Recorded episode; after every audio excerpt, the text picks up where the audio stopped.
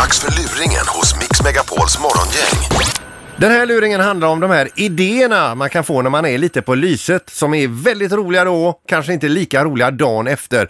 För det är ju faktiskt så här med de här luftpumparna, de här portabla luftpumparna på bensinmackarna. Man får ju använda dem, men man får inte ta med dem. Alright.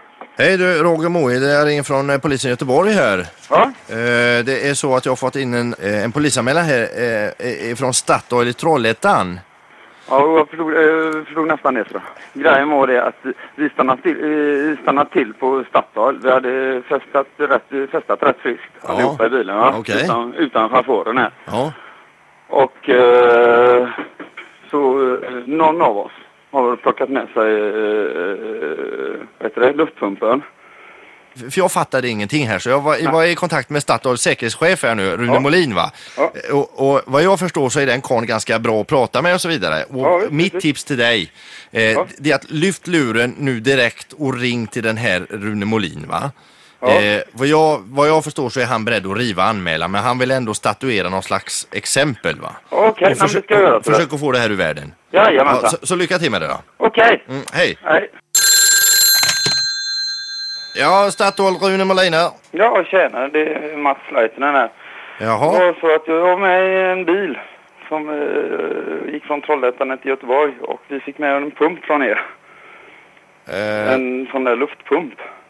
Det var himla dumt gjort faktiskt. Ja, och jag vet Statoil Trollhättan har gjort en eh, polisanmälan på det här. Ja, det kanske det var. Ja, Ja, det var ju lite dumt. Det var ett eh, riktigt fylleknyck kan jag tänka va? ja jo, det varit lite fylla där den kvällen. Du, Jag pratar ju här med Roger Moheide här nu, eh, polisen. Och jag sa som så här att jag är villig att eventuellt riva anmälan och skadeståndsanspråk om du kan tänka dig att göra no någon, någon gentjänst till Statoil Trollhättan så att jag och du kan gå därifrån med, med ansiktet i behåll va?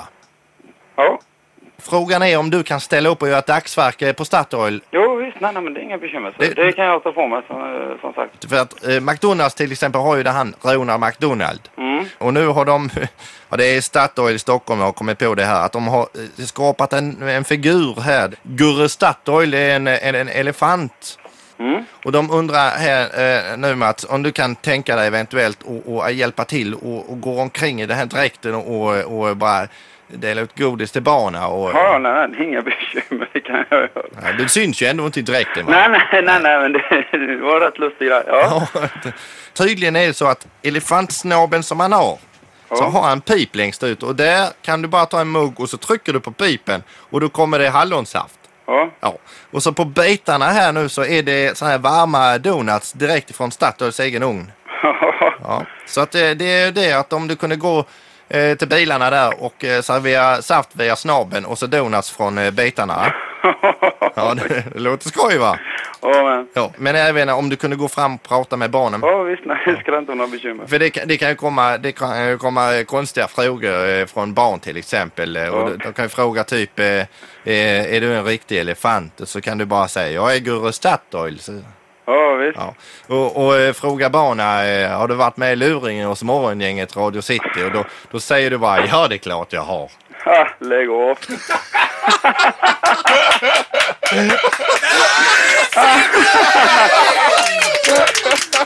Det var fint. Ja, du vet, jag, jag gick på det helt och hållet. Ja du. Ja, nog får jag med om konstiga grejer, men eh, okej. Jag tänkte att ja, ja, vad fan då, det är inga bekymmer detta. Det ordnar alla jag. Du, din lille pumptjuv. Ja, det, det, det blev lite dumt där. Du har det bra Mats. Okej. Hej då.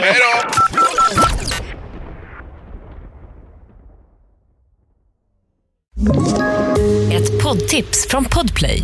I fallen jag aldrig glömmer djupdyker Hasse Aro i arbetet bakom några av Sveriges mest uppseendeväckande brottsutredningar.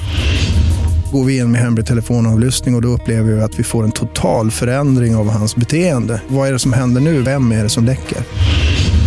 Och så säger han att jag är kriminell, jag har varit kriminell i hela mitt liv men att mörda ett barn, där går min gräns.